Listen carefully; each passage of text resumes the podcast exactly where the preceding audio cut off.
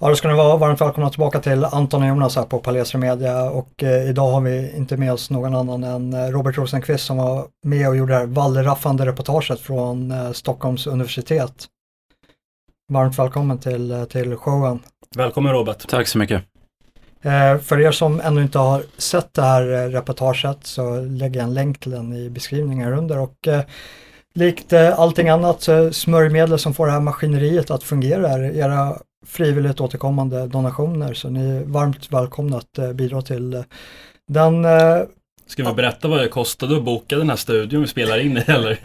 Nej, vi passar det. Kanske verkar som materialförstörelse. Men det som får den här verksamheten att växa, det, det är det, det som får det värt för oss att göra det är att vi ser att det här materialet uppskattas, att det delas, att vi har många tittare och det är helt enkelt ni som möjliggör vårt arbete och eh, det är ni som möjliggör att vi kan växa och det är ni som möjliggör att eh, vi kan ta in Robert som kommer hjälpa oss med eh, fler wallraffande reportage här i framtiden också. Och för er som bara lyssnar på podden så ska jag också säga swishnumret för er andra så är den ju här i rutan. Och vill ni hjälpa oss så kan ni göra det på swish 123 0265 298. Jag har inte memorerat den så jag måste kolla på min lilla tjuvlapp här. Vi, vi, vi tänkte att vi ska ju fortsätta med eh, en liten uppföljning på det här reportaget eh, som, som du levererade. Eh, den här vänstervridningen från eh, universiteten, både jag och Anton. Anton har en master i statsvetenskap.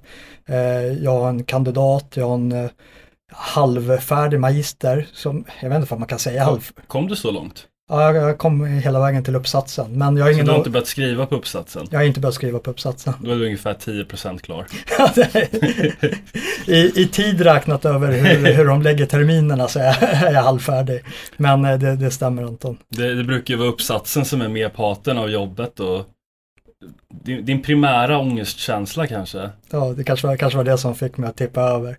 Eh, anledningen varför jag inte blev klar var för att jag startade den här kanalen och eh, jag hade en övertro till min egen förmåga till att eh, jag skulle kunna göra båda två sakerna samtidigt. Säg, Det- säg bara som det är, du är en college dropout. Jag är en college dropout som Zuckerberg som vi också säkert kommer prata lite om här, eh, här snart. Men det är få personer som eh, grejer att göra de här två sakerna samtidigt och en av dem som faktiskt klarar av det, det är ju Robert som eh, dels, du tog din kandidat nu i eh, media, eller vad var det formella namnet på? Eh, media och kommunikationsvetenskap Ja. heter det. Och nu, du skrev C-uppsatsen i höstas och nu skriver du C-uppsatsen i det du har studerat parallellt med det här. Ja, företagsekonomi. Ja. Det är inte riktigt parallellt utan jag tog en paus från den här media eh, kommunikationsvetenskapen och så läste jag företagsekonomi så att det har inte varit ja, riktigt så parallellt. Men, ja. Men ändå, det är imponerande, Ja. det måste jag säga. Men det har åtminstone varit några terminer du läst dubbla kurser eller? Eh, nej, det har det inte varit, men eh, eh, jag har väl, eh, när jag läste den här mediekommunikation så ringde jag lite så här samtal dock, så det, det har jag gjort parallellt med okej. mediastudierna. Ja men det är bra. Ja, så, så det, det vi tänkte prata om eh, som en, som en förlängning på det här reportaget är just ja, men våra erfarenheter av vänsterdominansen på svenska lärosäten och eh, bara, bara se hur, hur den interna kulturen är och hur det är att vara, ja, jag vet inte, det känns som att höger och vänsterskalan är lite förlegad. Så hur det är att vara nationalist i en globalistisk värld. Mm. Just det. Hur ser du någon skillnad där? För eh, ja, företagsekonomi, media, jag, jag har ju en eh, förutfattad mening, jag har en fördom här. Att eh, jag kan tänka mig att företagsekonomin inte är lika vänsterdogmatisk som eh, media, medieinstitutet. Eh, det håller jag med om, men eh, faktiskt senast eh, igår var jag på en föreläsning där de blandade in genusaspekt liksom av forskning inom företagsekonomi, så det har ju liksom letat sig in där med. Men just inom företagsekonomi, det som är mest, eh, jag vet inte vad man ska säga, vinklat, det är ju hållbarhetsbegreppet, för det är något man pratar om mycket inom företagsekonomi. Och där är det väldigt mycket liksom, eh, ganska extrema uppfattningar om att jorden kommer gå under för att det är för mycket koldioxid i atmosfären och sådana saker. Så att det finns en politisk eh, korrekthet även där, men den är inte liksom det här vänsterextrema som existerar i eh, humaniora, ämnena och samhällsvetenskapliga, skulle jag säga. Nej, alltså min erfarenhet är att man, man kan bli förvånad. Jag vet jag pratade med, när jag var ute och jobbade för några år sedan så pratade jag med en kille som var på, på stället jag var på. Och då berättade han att han pluggade management vid Stockholms universitet. Och att han hade en bakgrund i, eh, han hade studerat arabiska, han hade en kandidat i arabiska och han hade även praktiserat eller jobbat på något, något konsulat i något mellanösternland. I min värld så är ju management lite en förlängning på företagsekonomi eller nationalekonomi. Att jag, är väl, jag har väl tänkt liksom att men det handlar väl om hur man ska slimma en organisation och ledarskap och sådana där grejer. Ja, ekonomistyrning tror jag att det kallas på svenska. Ja, ja men precis. Och så jag frågade honom, men hur, hur funkar det då så här, med, med, din bakgrund som är mer humanistisk då? Och han bara, ja men det är bra, det, det är mest marxism där faktiskt. Ja, då. så det var olika typer av, av marxistiska analyser på, jag fick inga vidare detaljer, men jag måste ändå säga att svaret förvånade mig något. Ja det är kanske inte riktigt vad man väntar sig av. Jag tänker att management det är ju liksom finansvalpar, liksom. det är karriärister, det är människor som kommer till universitetet i klädda kostym och vill göra karriär. Det är inte människor som vill sitta och läsa Karl Marx. Nej, precis. Det är väl mer att um, det kommer ju uppifrån de här influenserna från vänster och de här karriäristerna, de är väl kanske de som tenderar att anpassa sig eh, de är väl inte direkt idealister de här studenterna. Eh, jag vet till exempel i företagsekonomi, vi har ju vissa, vissa litteratur då som är åt det feministiska hållet eh, i kursen organisering som är en fjärdedel av företagsekonomi. Um, och eh, där utgår litteraturen från att män och kvinnor är ungefär likadana. Uh, och um, man måste liksom svara på ett politiskt korrekt sätt um, för att bli godkänd på tentan. Men när de här studenterna sen kommer ut i arbetslivet så gäller ju liksom inte riktigt det för att jag tänker om du är, um, om du ska jobba som um, med eh, marknadsföring på kanske Åhlénsen och Maurits, då måste du ta hänsyn till att män och kvinnor är olika. Ja, för det bygger liksom deras marknadsföring på, så då, då har de här studenterna suttit och liksom låtsats eh, spela det här politiskt korrekta spelet i universitetet, men de kan slå om till verkligheten och anpassa sig efter det när de liksom kommer ut i arbetslivet, om ni förstår vad jag menar. Ja, jag förstår exakt vad du menar och det är väl det som är lite problemet med studenter som oss här, att vi deltar inte aktivt i det här skådespelet. Ja. För det är ju så här, ja men eh, jag studerar på Försvarshögskolan, det var ju en hel del av mina medstudenter som höll med oss i, i sak, i ganska mycket. Men som ändå inte, ja, de var inte lika konträra som oss. De hade inte, de har inte samma behov som att eh, påpeka att kejsaren är naken. De är Var... inte lika dumma helt enkelt. ja, det. Det, det. brukar ju ofta vara så att de, de människor som är absolut lättast att kontrollera det är ju folk som har väldigt stora just karriärambitioner har jag märkt. Mm. Det, det, är liksom de som har mest att förlora för de, de, de, kan liksom inte tänka sig att nöja sig med något mindre än än den här storslagna karriären och det här liksom fina huset och alla de här prylarna och, mm. och den här livsstilen som, som karriären, karriärbanan ska betala på något sätt. Ja. De kan liksom inte tänka sig att vara utan det. Och, och, det värsta man kan göra mot sig själv om man har de ambitionerna det är ju att bli politiskt obekväm.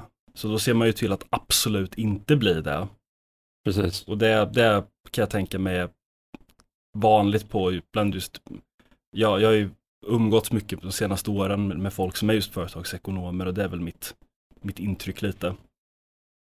Men eh, när, när du kollade på det här reportaget, vad fick du för igenkänningar när du hörde samtalet med Rosenqvist och hans handledare Sven Ross? Alltså, jag, mina mest negativa erfarenheter från universitetet har ju varit, inte med handledare på något sätt, utan när man ska lägga fram de här sakerna.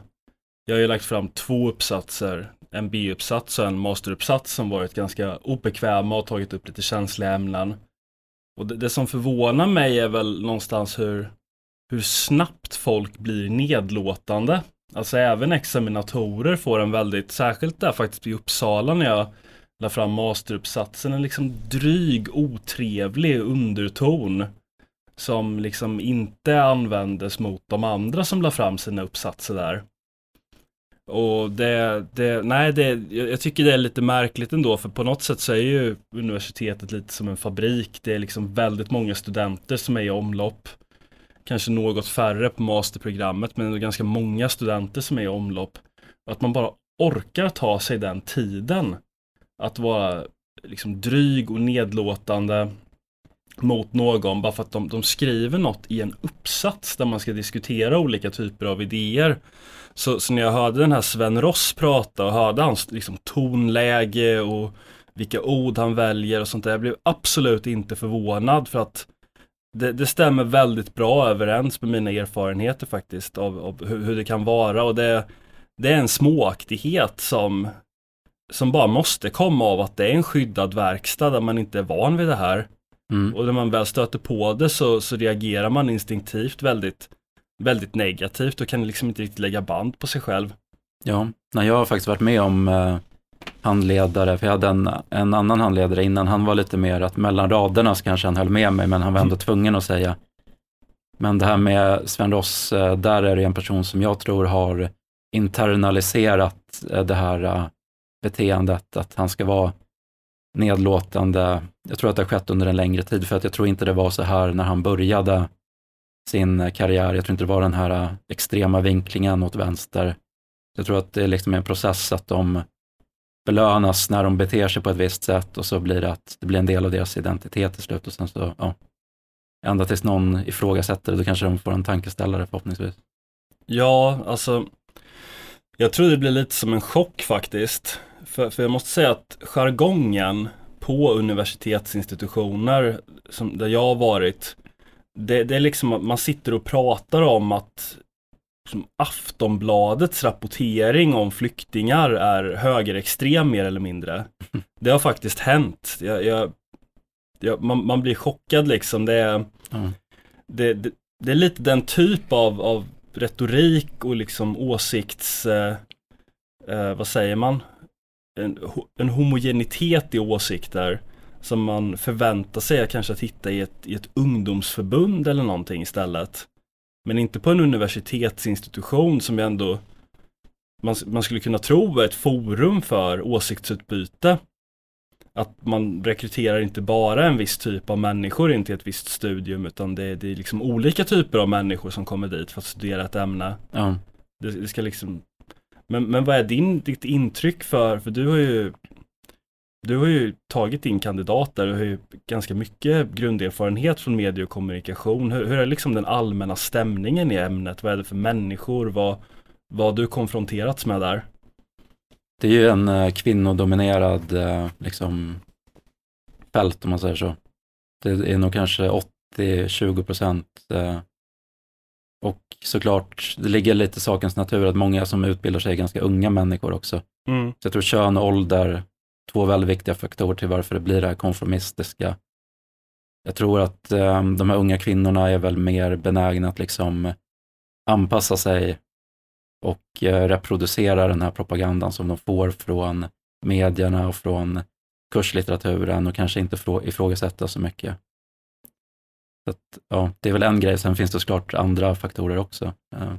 Jo, det är klart, men, men det, det, är intressant att reflektera över. Jag kommer ihåg någonting som som de sa till mig för länge sedan, 2011 när jag eh, kom in på A-kursen i statsvetenskap i Lund. Och det är att, eh, eh, vad var det de sa nu? Det är att jag tror att de, de sa någonting om att just rekryteringen från övre medelklass var som störst till statsvetenskap och genusvetenskap. Och det beror på att det är abstrakta ämnen som en mer, och då menar jag liksom inte att folk som inte är över medelklass skulle vara liksom dumma eller så här, men, men det är just att det, det är de enda som, som tycker att sånt är viktigt, som, som kanske inte reflekterar så mycket vad man blir av det. Mm. Därför att om du, om du har växt upp i mer kanske arbetarmiljöer och du är mer liksom inriktad på att eh, din, din studiebana ska leda till någon sorts klassresa och, och, förhöjning av levnadsstandard då, kanske, då, då känns det förmodligen mycket vettigare att bli ingenjör eller läkare eller civilekonom eller någonting. Du kanske inte lägger fem år av ditt liv på att läsa genusvetenskap och statsvetenskap. Där inte ens folk som har pluggat i flera år kan säga vad man blir av det liksom. Ja. Och då blir det ju, och jag kan tänka mig att det är exakt likadant på medie och kommunikationsvetenskap. Att det är inte heller ett sånt ämne där det är självklart vad man blir av det. Nej. Utan det liksom hänger lite i luften. På något sätt får man väl uppfinna sin, sin egen karriär. Men då blir det också den här sociala snedrekryteringen.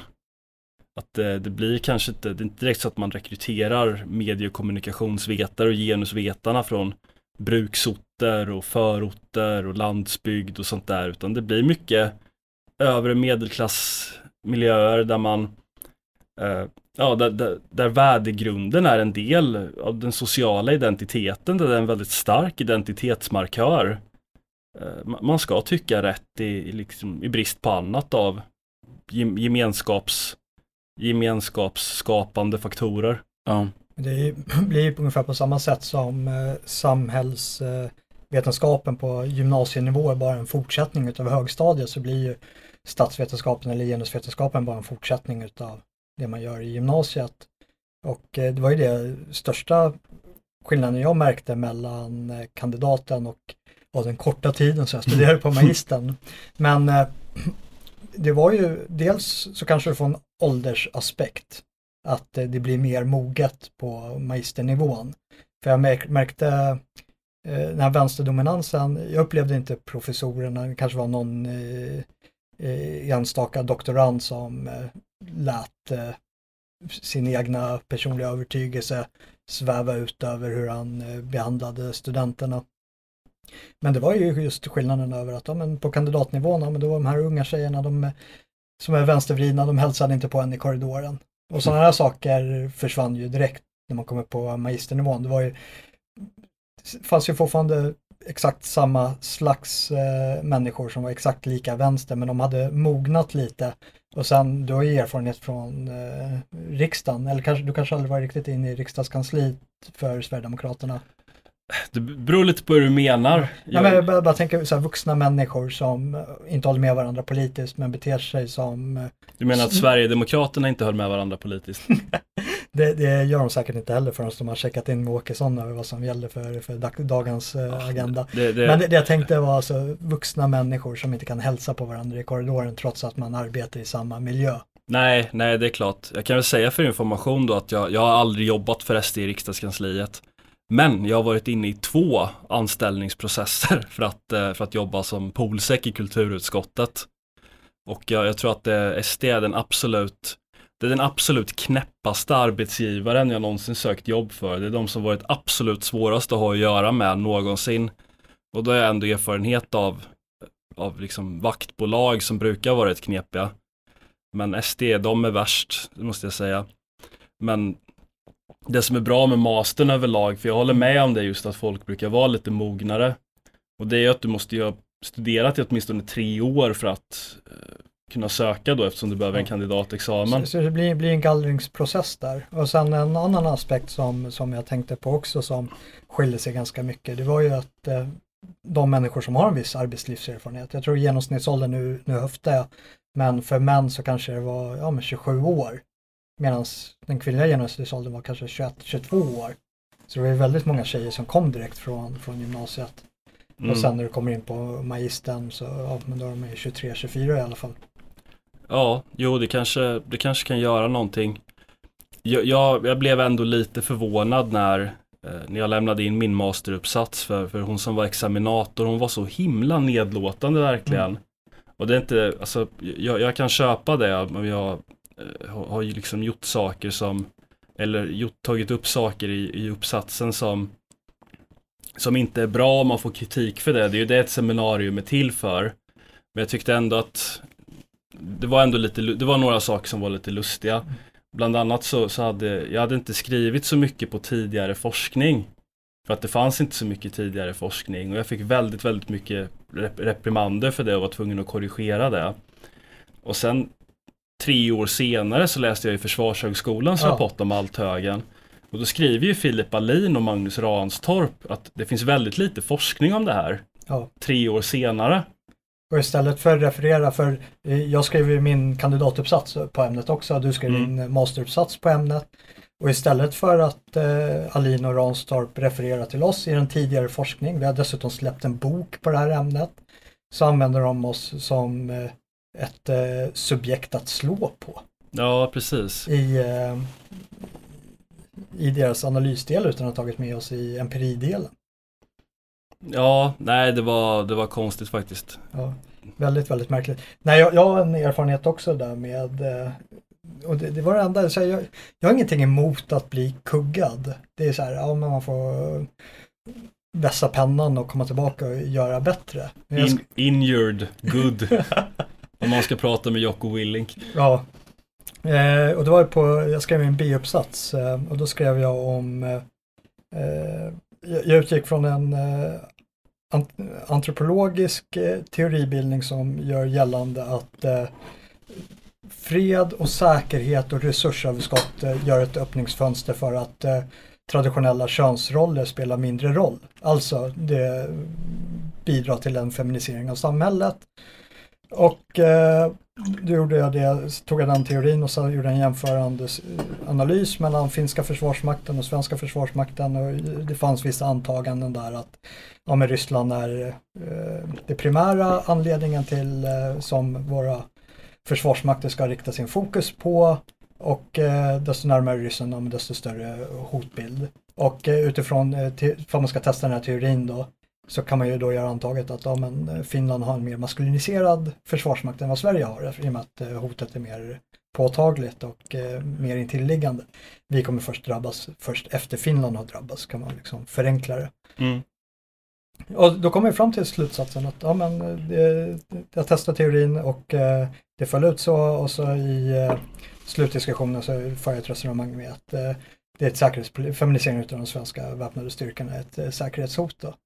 Och eh, det är ju, eh, för er som har erfarenhet från universitetsvärlden vet ju att det, det är en medstudent som är opponent. Mm, just det. Eh, och det, var- det var en kvinna och hon, hon började prata väl om den. Hon hann säga så här, typ två, tre meningar så inte, hon hann inte göra någon större utläggning innan den kvinnliga krigsvetenskapliga professorn som inte har en dag tjänstgjord i Försvarsmakten, aldrig burit vapen, har ingen praktisk erfarenhet alls över vad hon har teoretiserat hela sitt akademiska liv Mm. tar över och, och liksom skjuter ner mig fullständigt och eh, jag, jag blir ju underkänd och så får jag tillägna sommaren åt att skriva en ny B-uppsats. Och eh, det är så här, ja, en del av hennes kritik var legit, men jag är helt övertygad om att hade vi levt i en eh, annan kultursfär, hade vi haft ett eh, Sverigevänlig akademisk miljö, men då, den här uppsatsen hade blivit godkänd. Det, det finns olika måttstockar beroende på vilka, och det var det som jag hade igenkänning med, eh, med, med ditt reportage här med, eh, med eh, eh, Sven Ross och eh, din uppsats på Stockholms universitet. Och det är att eh, vi spelar lite efter olika regler beroende på hur eh, normkritiska vi är mot eh, de dogmer som är allenarådande. Mm. Ja, jag hade också en eh, kvinnlig student som gav mig väldigt mycket positiv eh, återkoppling. Och, Ja. Så det blev en, en kontrast där när Sven Ross har klagat på mig i ett halvår och sen så får man jättemycket positiv feedback. Liksom. Ja. Jag, jag, jag, det ska tilläggas att eh, vi, vi fick ju det materialet också men eh, vi hade kunnat tagit med det i reportaget men det kändes så här, okej att eh, eh, ja. Det, det, det finns ändå en så här exponeringsfaktor. Och jag kände att eh, när man, den här tjejen, hon var ju så eh, hon, hon gjorde ju ett eh, intellektuellt hederligt jobb så jag kände att jag ville inte ha med henne. Men det hade, det hade kanske ändå varit bra kontrasterat med, med Sven Roster. Ja. Men, men din uppsats, eh, Jag, jag vet inte om hon hade uppskattat komplimangen för, för jag ska uttrycka det så. Ja. Alltså, det fan, tror inte jag heller. Nej, Men eh, Eh, Robert, vad, om du vill sammanfatta lite kort, vad var det du skrev om? För, för jag, har inte tagit, jag har inte heller tagit del av liksom hela materialet, utan jag har bara sett reportaget. Så vad var det du inriktade dig på? Vad, vad var det de blev, blev sura över egentligen? Eh, alltså uppsatsen handlar då om hur uttrycket alla människors lika värde används i praktiken och inte så mycket, tog inte så mycket hänsyn till de formella betydelserna. Eh, Däremot så jämförde jag det jag kom fram till i hur det användes med de här formella eh, vad det ska betyda egentligen i eh, slutsatserna. Vad var den andra frågan? Vad de blev upprörda över? Ja, precis. Ja. Vad, vad var det de stödde sig på? Det var väl egentligen två saker. Dels då att jag bara hade tagit en viss typ av författare i den, jag kommer inte ihåg om det var i den empiriska beskrivningen eller i den teoretiska, det var nog både och faktiskt. Och där hade jag en överrepresentation av eh, ja, sådana som Jan Tullberg, Karl-Olof Arnstberg och sådär. Och ehm, jag skrev väl det att jag utgår från ett mittenperspektiv ur ett globalt eh, sätt för att de här människorna är inte eh, de är inte invandringskritiska, de, kritiska, de är inte högerextrema om man jämför med andra länder. Liksom. De Nej, skulle nog exakt. framstå som ganska vänsterextrema i väldigt många länder. Eh, men det jag köpte, väl, jag tror de hade lite svårt att förstå det, i alla fall min handledare Sven Ross i alla fall. Mm, ja, alltså det, det där lyssnade jag på och, och jag tänkte på det ganska mycket faktiskt. Att om, om det var så att du hade, för, för det, det kan ju vara så att man, man, en uppsats är ju ett väldigt litet arbete egentligen. Man, man, det hör till sakens natur att man avgränsar sig väldigt, väldigt mycket. Mm. Och då, då väljer man ju själv vilken, vilken teoretisk lins det är man vill använda och den är som sagt väldigt begränsad. Det finns liksom inte, med, med tanke på att man kanske ska skriva 10 000 ord eller liknande, så är det ju inte, alltså det kan inte rättfärdigas att ta med liksom massvis med olika teoretiska perspektiv bara för att ge alla en chans. Det, det funkar inte så utan det, det, det, liksom, det, det skär man bort. Det är liksom det härskna fettet som man städar bort. Ja, Och, och man riktar in sig på det som är relevant för själva undersökningen. Och sen motiverar man det. Och jag, jag kan nästan lova att om det var någon som hade skrivit om feministisk välfärdspolitik eller någonting, vilket är ett litet område inom statsvetenskap. Och sen hade de valt ut en eller två feministiska teoretiker eh, som, som har beskrivit det här och lagt upp någon teori då som man kan ha som ut, utgångspunkt. Då hade ju ingen handledare bara, nej men jag skulle nog vilja att du har med en fascist också för att få lite balans i diskussionen. nej precis. Det, det är ju ingen som hade gjort det. Så det, det, det, jag kan bara inte föreställa mig att någon skulle göra på det sättet. Nej, och det var väl det som jag liksom försökte peka på där i min argumentation med den här handledaren. Att försöka att liksom synliggöra för de som kommer lyssna på det här efteråt hur hyckleriet är. Och någonstans, det är det som är problemet. Alltså, om, om vi leker med tanken att jag hade gjort den här uppsatsen i, av, låt säga Japan, Sydkorea. Om de säger till mig då att här har vi det inte som i vänsterextrema Sverige, utan här ska det verkligen vara en objektiv, neutral eh, beskrivning av teori och empiri, ja då får jag acceptera det om det är deras kutym. Men den kutymen gäller inte i Sverige och det är jättelätt att bevisa det. Eh, och då kan det inte vara olika måttstockar liksom. Nej, exakt. Sen ska jag också säga det också att ehm, jag har ju, har ju med ett avsnitt av invandringens kostnader. Där ville min eh, handledare Sven Ross att jag skulle ta in ekonomer som Sandro Skock och jo, Joakim Röist och sådär. Och de, ja, Joakim Röist i och för sig, han är väl ganska duktig men han har inte gjort en, som jag förstår det så har inte han gjort en komplett uträkning av den totala kostnaden av invandring utan han har bortsett från till exempel Migrationsverkets kostnader på eh, 70 miljarder om året. Så att, eh, det är liksom, och Sandro Scocco vet inte ens om han är en ekonom, om man ska veta ärlig. Är inte han, eh, jobbar inte han på Arena eller vad det heter? Jag, jag tror att han är sån här eh, ekono, ekonomi, han kommenterar ekonomi på någon så här uh, tankesmedja eller någonting. Jo, Vem, en... vem var det som blev rekryterad till Vänsterpartiet nu nyligen? Eh, Var det inte Skocko? var det det? Eh, Jag kommer alltså, jag- det var jag- inte någon jag- kvinna. Ja, jag kan ha fel. Men i alla fall. Jag jag har för mig att han är kopplad till LO. Ja, Eh, Eh, Ja, alltså jag måste tänka lite för det finns ju så vansinnigt många olika vänsterorganisationer som är frontorganisationer för varandra och tillhör och sådär men Sandro Scocco, han är ju en politiskt motiverad eh, debattör i första hand kanske. Som har stått bakom, var, har jag fel eller var det han som stod bakom den här Sandviken-rapporten? Jo, det låter bekant faktiskt. Eh, Där han ledde i bevis då att invandringen gick med vinst genom att inte ha med utgifterna i sin beräkning. Mm. Och det är, ju, det är ju kreativ bokföring. Ja, Jag kan ju också bevisa att min ekonomi går jättebra om jag skär bort alla mina utgifter i beräkningen och bara har med mina intäkter. ja, Då ser det ut som att jag har en fantastisk balansräkning i min privatekonomi. Men det, och det, det är också någonting som jag faktiskt reagerar lite på för en hand, som jag ser det så är ju en handledares uppgift att, eh, eh, vad ska man säga, eh, ja, det, det handlar ju om, en handledare ska ju handleda i det så att säga tekniska eller liksom i, i hantverket att göra den här lilla, lilla liksom avhandlingen i miniformat som en uppsats är. De ska ju vägleda i metoden. ja, De ska ju inte vara ansvariga för att man kvoterar in olika typer av personer. Jag menar, jag skrev en kandidatuppsats eh, i, i ett ämne som var väldigt, väldigt eh, okontroversiellt och väldigt ointressant för den som inte är eh, intresserad av just det här lilla smala området inom politisk eh, teori. Jag skrev om någonting som, som kallas för politisk gnosticism. Som handlar om olika typer av, man kan säga att det är liksom grundfundamentet för att förstå utopibilder inom politisk teori. Och så eh, hade jag det som ut, utgångspunkt att jag kritiserade Francis Fukuyamas bok eh, får se vad är den heter nu. Oj, jag fick hjärnsläpp. Eh, den här kända boken av Francis Fukuyama som, som kom Historiens, eh, den sista människan och historiens slut tror jag den heter.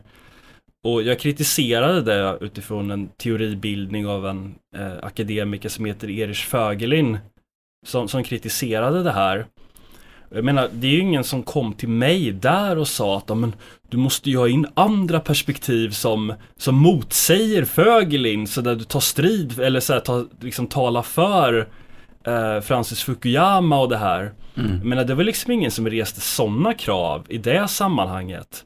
Eller att, att liksom jag ska ha någon sorts nyans i att eh, bara för att jag har med en person så måste jag av liksom någon sorts snällhet ta med någon som säger motsatsen utan det är ju upp till mig att etablera en metod. Sen kan man ju få den metoden godkänd för att Ja. man, man ska ändå bli godkänd i slutändan. Men mm, det, det blir så fel på något sätt när handledaren ska, ska tvinga någon att kvotera in olika typer av eh, tänkare eller ekonomer med konträra åsikter till det som är uppsatsens syfte. Det blir ju jättemärkligt. precis. Mig veterligen så har det heller aldrig Tullberg fått försvara sin uträkning om invandringens kostnader mot någon i etablissemanget. Så det kanske man ska börja med innan man börjar kritisera honom att man får skapa en debatt liksom mellan de här politiskt korrekta ek- ekonomerna och de, eh, den andra sidan, tycker jag. Mm, jag tycker också det verkar rimligt. Hur ser dina planer ut nu? För jag blir lite nyfiken. Är du intresserad av att studera vidare eller kommer du försöka avsluta eller hur ser dina planer ut? Det är en bra fråga. Alltså det skulle vara jättekul. Det finns jättemycket inom just media som man kan undersöka som är liksom under eh, exponerat. Eh, men, eh, nej, men jag hade nog tänkt eh, söka jobb efter den här eh, examen i företagsekonomi. Och eh, jag har ju börjat ringa lite grann också så att det kanske får tillfredsställa just den här eh, Medieådern. Ja, precis. Nej, nej, jag hoppas, hoppas få se mer utav det för eh, det, det är inte bara att lyfta luren och ringa och konfrontera människor. Det är inte bara att ha modet till att slänga sig ut i det okända och boxas verbalt med, med någon meningsmotståndare eller inte utan det, det krävs mer och jag tycker du gör det väldigt, väldigt bra. Jag hoppas verkligen att vi får se mer, mer utav den varan här framöver. Ja, Jag säger samma sak. Jättebra jobbat Robert. Men eh, jag vet, man kan ju avsluta med kanske någon, så här, eh, någon liten reflektion över eh, hur den här vänsterdominansen på lärosätena påverkar samhället eh, på en större skala. För eh, är det någonting som har blivit väldigt tydligt de senaste åren och sen så kanske exemplifieras bäst eh, i Trumps Amerika förra valet och det här valet är dissonansen mellan en intellektuell maktelit, ett, intellektuellt etablissemang, mediakår, alla liksom eh, yrken som kräver eh, högre utbildning, inte för att det är kompetensdrivet utan för att det kanske är lite så här licensdrivet. Ifall ni förstår skillnaden. Mm, ja men verkligen. Eh, och där att eh, de är så frånkopplade varandra så att de inte kan förstå varandra. Det, jag tror bokstavligt talat på när unga tjejer som går ut med en eh, examen från ett lärosäte med statsvetenskap eller genusvetenskap och hon säger att jag förstår inte för allt i världen varför människor stödjer Sverigedemokraterna. Jag tror hon talar sanning. Det tror jag också. Utan, utan tvekan ja. alltså. Nej, jag, jag, jag brukar tänka, no, någonting som många brukar återkomma till oh. hela tiden, det är ju det här gamla uttrycket från Rudi Deutschke, eh, marschen genom institutionerna. Oh. Och jag kan tycka ibland att folk lägger fram det på lite fel sätt. Det vill säga att det är som en sorts konspirationsteori. Det vill säga att eh, på 60-talet så skulle folk eh, på vänsterkanten ha planerat att ja, men vi ska alla utbilda ja. oss och sen får vi alla jobb inom det här och sen då, då tar vi över allting liksom. Det är lite så konspirationsteorier föds för att man ska göra halmgubbar utav dem. Ja, det, det, jag tror att det, det, ställer liksom, det riktar in sig för mycket på en medvetenhet och en planering som ja. aldrig har funnits. Utan det, det är snarare så här att om man ska titta på de historiska källor som finns så är det ju snarare åt det här hållet att eh, efter, efter 50-talet eller under efterkrigstiden så, så utökas ju studentkullarna något alldeles oerhört. Eh, att, liksom, att studera vid ett universitet hade ju varit en väldigt, väldigt, i princip en elitverksamhet under hela mänsklighetens historia innan dess. Men under efterkrigstiden när den socialdemokratiska välfärdspolitiken får genomslag så bestämmer man sig för att man ska, eh, man ska lyfta människor ur, ur arbetarklassen och de lägre klasserna ur, ur fattigdom och sådär och då, då inför man att man river ner de här barriärerna mellan arbetarklass och, och student, studentliv så studentkullarna expanderar något alldeles oerhört. Och sen samtidigt så är det strömningar i omlopp i Sverige och internationellt. Eh, man kan väl säga att, eh, att det här att det blir tv och radio och sånt där i alla hem och att människor får tillgång till, till tidningar och media i allt större utsträckning eh, gör att man får tillgång till, till alla de här sakerna som händer i, i världen. Man kan läsa om apartheid i Sydafrika och segregationen i USA och Vietnamkriget och och alla de här andra orättvisorna som, som framförallt engagerar då boomer-generationen under, under 60-talet och framåt. Och eh, en, stor en stor grupp studenter blir väldigt, väldigt radikaliserade.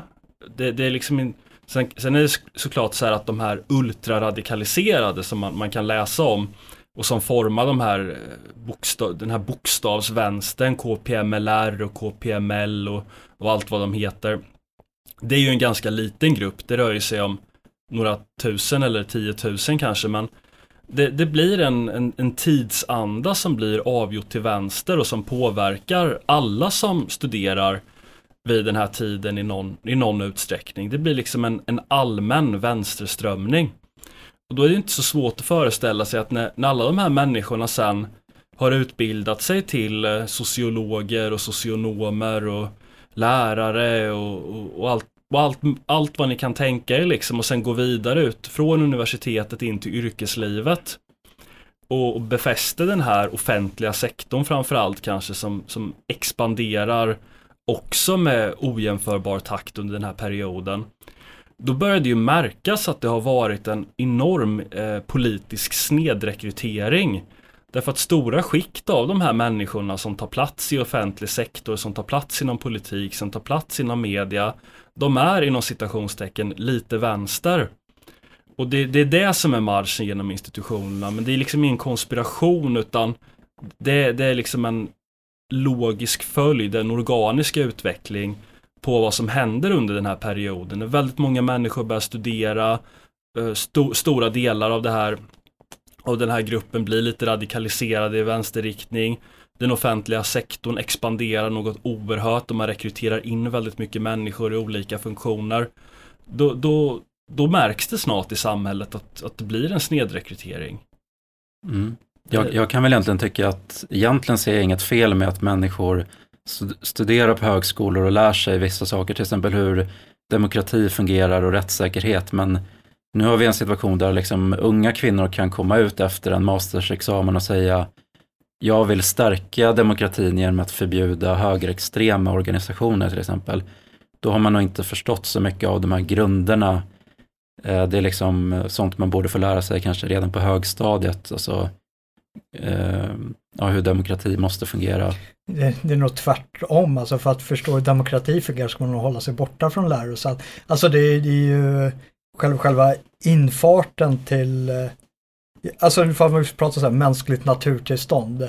Jag, jag, tror att det är bara en människa som är, har en bättre förståelse mm. för demokrati än en människa som har gått på ett svenskt lärosäte. Det, det kan nog mycket väl vara sant faktiskt. Ja. Det, det blir ju blir lite som en antiutbildning kanske ja. man kan säga. Att eh, människor naturligt har en bättre förståelse för, en mer sundare förståelse för hur det borde fungera än de som har hjärntvättats i de här institutionerna kan jag tänka mig. Ja. Ja, ska vi låta gästen få, få ett sista, sista ord här? Vad, vad bör våra tittare tänka på? Det här, jag kan bolla upp en sista, sista fråga så har du någonting att utgå från. Mm. För till våra tittare, det var väldigt, väldigt många som hörde av sig efter eh, ditt reportage. Många som har gått på ett lärosäte och delade med sig av sina egna reflektioner per, per e-post. Eh, någon skickade vidare till dig också. Men för de eh, yngre tittarna som funderar på att eh, eh, studera vidare. Vad, vad är din rekommendation till, till dem? Är det att gör det inte, hitta, hitta en praktikplats, hitta, hitta ett riktigt yrke, eh, släng inte bort åren på, på, på, på trams. Det man kan säga är väl att eh, det är ett, eh, ett mycket mer eh, mödosamt jobb att eh, utgå från ett eh, oppositionellt perspektiv så man får räkna med ganska mycket mothugg. Men har man bara bra motargument så kan man ju göra som jag gjorde, att man spelar in det hela och eh, särskilt nu under den här pandemin när det är distansundervisning så är det lättare än om det hade varit fysisk. Så att jag tycker absolut att fler ska spela in, eh, för det ökar också liksom rättssäkerheten när man kan visa att så här ser det ut och så här funkar det. Eh, om man inte spelar in så är man ju ganska rättslös liksom, tycker jag. Mm. Ja, för, för, för jag tänkte, vi, vi, vi har haft, eh, Jonas De Geer är ju en gammal eh, intellektuell på, inom den nationella sfären och eh, han är ju väldigt uttalad anti-akademisk. Ja, precis. men han är ju akademiker själv. och han Säg inte det till honom. Och eh, han lämnar ju alltid rekommendationen till, till eh, de yngre tittarna eller de yngre nationella att studera inte, gör inte, det, det, är inte, det är inte värt det. Och där har väl jag och Anton lite delade åsikter med eh, med det. Jag tror du håller med om lite mer än vad jag gör. Jag, jag, jag, jag ser en ganska stor behållning av att, av att studera. Jag har tagit med mig, även fast, jag inte, även fast det arbete jag gör nu med, jag arbetar ju för Palestra Media och det, det vi, de dokumentärer och reportage vi, vi producerar. Eh, jag per definition hade inte behövt haft den utbildningen i ryggen men den har ändå givit mig ganska mycket. Och sen kommer man in på att vissa yrken är licensierade till att du måste ha det. Mm. Vill du arbeta som eh, på, på en myndighet som kanske inte är polsäker i och med att det är, det är partierna själva som, som väljer vilka, vilka som ska arbeta där. Men inom olika former av myndigheter så kräver de att du som minst ska ha en filkand inom ett eh, statsvetenskapligt relevant examen, antingen statsvetenskap eller någonting som är närliggande. Jag måste kliva in lite här ja. och det, det, är väl så här att jag, precis som du och säkert Robert också, har ju haft, har ju haft nytta av att gå, gå den här vägen därför att man utvecklas intellektuellt man tvingas att, att gå utanför sin bekvämlighetszon och läsa en eh, en väldigt bred litteratur som man aldrig hade läst eh, annars liksom. Så man får vidga sina, sina vyer på det sättet och det, det, det är ju bra för alla såklart. Och sen man lägger fram uppsatser, man lägger fram PM och så vidare. Och de, de, de, ska, de ska granskas och de ska även hålla för en granskning som, som, in, som åtminstone i teorin inte ska vara baserad på åsikter utan där man ska utgå då från eh, från det vetenskapliga i det på hur man, hur, om ens metod håller, om ens slutsatser håller, hur man har sammanställt sitt empiriska material och så vidare och det där tycker jag är jättebra såklart. Men sen finns det ju en annan sak också, det, det är ju faktiskt den här eh, arbetsmarknadsmässiga aspekten och, då är det ju så här att i Sverige så utbildar vi ju människor inom statsvetenskap, inom kriminologi, sociologi och en mängd andra humanistiska och samhällsvetenskapliga ämnen samtidigt som det inte finns någon avsättning alls på, på arbetsmarknaden för alla de här. Det, det finns för en liten del det finns några som kan forska vidare, det finns några som är jätteduktiga och kanske kan starta upp sin egen affärsverksamhet och sånt där. Men, men jag tycker att man ska åtminstone ha det i åtanke om man, om man ska binda upp 3 till 5 år av sitt liv på att studera något ämne eh, och dra på sig studielån och liksom ha uteblivna inkomster från förvärvsarbete och sånt där. Då tycker jag ändå man ska ha med det i beräkningen och vara medveten om det, att, att det förmodligen inte kommer att betala sig. Och, utan att om man vill liksom ha ett bra liv på längre sikt, då, då, finns det mycket bättre alternativ. Då finns det dels akademiska utbildningar som, som är mer gångbara som läkare eller ingenjör eller jurist, civilekonom med mera. Och det finns en hel mängd av eh, väldigt, väldigt bra yrkesutbildningar som, som är ganska korta, som inte kostar något särskilt och som kan ge eh, välbetalda jobb på förhållandevis kort tid. Så jag gillar inte riktigt det där att man, och som, som politiker gör också, att de använder då högre utbildning som någon sorts arbetslöshetsregulator, att de bara folk får skriva in sig på meningslösa kurser i olika saker så kan man dölja dem från arbetslöshetsstatistiken och därför uppmuntrar man folk att göra det. Eh, och sen kommer aldrig de här pengarna man lagt då på att utbilda människor i en massa olika humanistiska saker som det liksom inte finns något arbetsmarknadsmässigt behov för. De kommer ja, aldrig komma måste, tillbaka. Jag måste, jag måste hugga in där. Eh, det finns ju ett egenvärde. Och eh, jag, jag, kommer tänka på... Gå till ett bibliotek då. Exakt. Så behöver du inte betala, så behöver du inte liksom... Nej, nej, nej, alltså du, du pratar med, med en som, person som är ganska libertariansk. Jag anser inte att eh, någon av den här utbildningen ska finansieras via, via skattemedel. Men det är som Aristoteles sa. Alltså anledningen till utbildning i liksom generella termer är för att du som människa ska vara behaglig att prata med. Och nu, nu ger jag ju faktiskt Aristoteles fel i, om man sätter det i en svensk kontext. Så att jag, jag har inte blivit behagligare att prata med. Du, du är nog en av få som har blivit det. Eh, jag kan, jag, jag, jag kan ju bara föreställa mig hur det var innan du kom in i det akademiska. Jag har ingen aning för jag lärde ju känna dig efter det. Men det finns ju inte värre människor att prata med än eh, så här, de fullständigt eh, indoktrinerade och vänstermarinerade unga damerna på Stockholms universitet. Det är en eh, skräckupplevelse. Det är, jag, jag, vet, jag vet inte vad, vad det har för sadomasochistiska mm. drag som klarar av att bege Nu åker det inte dit i fysisk form på grund av eh, corona, coronatider men Ja, nej, jag har faktiskt inte haft något jättestort problem med det, men jag kanske är lite unik att jag kan hålla mig lugn och, och tycka att det är kul med den här argumentationen också. Ja. Jag tror att det är det som gör det till en väldigt bra ringare, just det här lugnet och fullständiga sakligheten. Får jag bara säga en sak om Aristoteles innan vi avslutar? Ja, är det relaterat till Dumskalleberget? Nej, det, det relaterar till att Aristoteles tillhörde ju den lilla grupp av människor i det grekiska samhället som levde på andras arbete. Mm. Så han kunde ju, han hade ju tid och möjlighet att bekymra sig väldigt mycket om att bli bekvämare att prata med. Han behövde ju aldrig liksom bekymra sig för sitt uppehälle. Är inte det själva definitionen utav att vara intellektuell? ja, nej, jag vet inte. Det, ja, det, det är ju stora skikt av de intellektuella som i, jobbar inom media och offentlig sektor som i likhet med Aristoteles lever på andras arbete ja. i form av, av bidrag och transfereringar. Fast utan att, att liksom ha något då av Aristoteles vältalighet och skicklig, meriter som filosof. Men jag tror att vi inom, eh, vi och Joakim Lamotte ligger närmare Aristoteles i form av att eh, han var ju frivilliga donationer. Ja, det är sant. Till skillnad från eh, sofisterna på DN. Mm. Nej, men jag känner väl lite att när man går in på de här utbildningarna man får ha lite i åtanke att de är skattefinansierade och då tänker jag lite på de här människorna som sliter som rörmokare, elektriker, heltidsarbetare, att man vill ge någonting tillbaka till dem. Alltså, vad är relevant för de här människorna? Är det liksom någon genuspropaganda och feministiska konspirationsteorier eller är det liksom sånt som de, eh, ja, kostnaderna för invandringen och sånt som verkligen ja. drabbar människor? Det, är lite det som är relevant för rörmokare är att de ska få reda på hur de får in mer tjejer som, som ja. kan skruva på rören.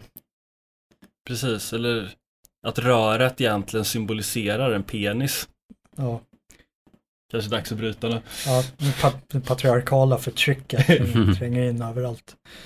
Eh, ja, tack för att du kom och gästade oss. Vi ja. hoppas på att få se dig snart igen här i, i studion. Ja, tack så mycket Robert. Vi hoppas få se mer reportage och mer av dig. Ja, det skulle vara jättekul att fortsätta med det här. Och tack för att jag fick eh, komma. Du är så välkommen. All right.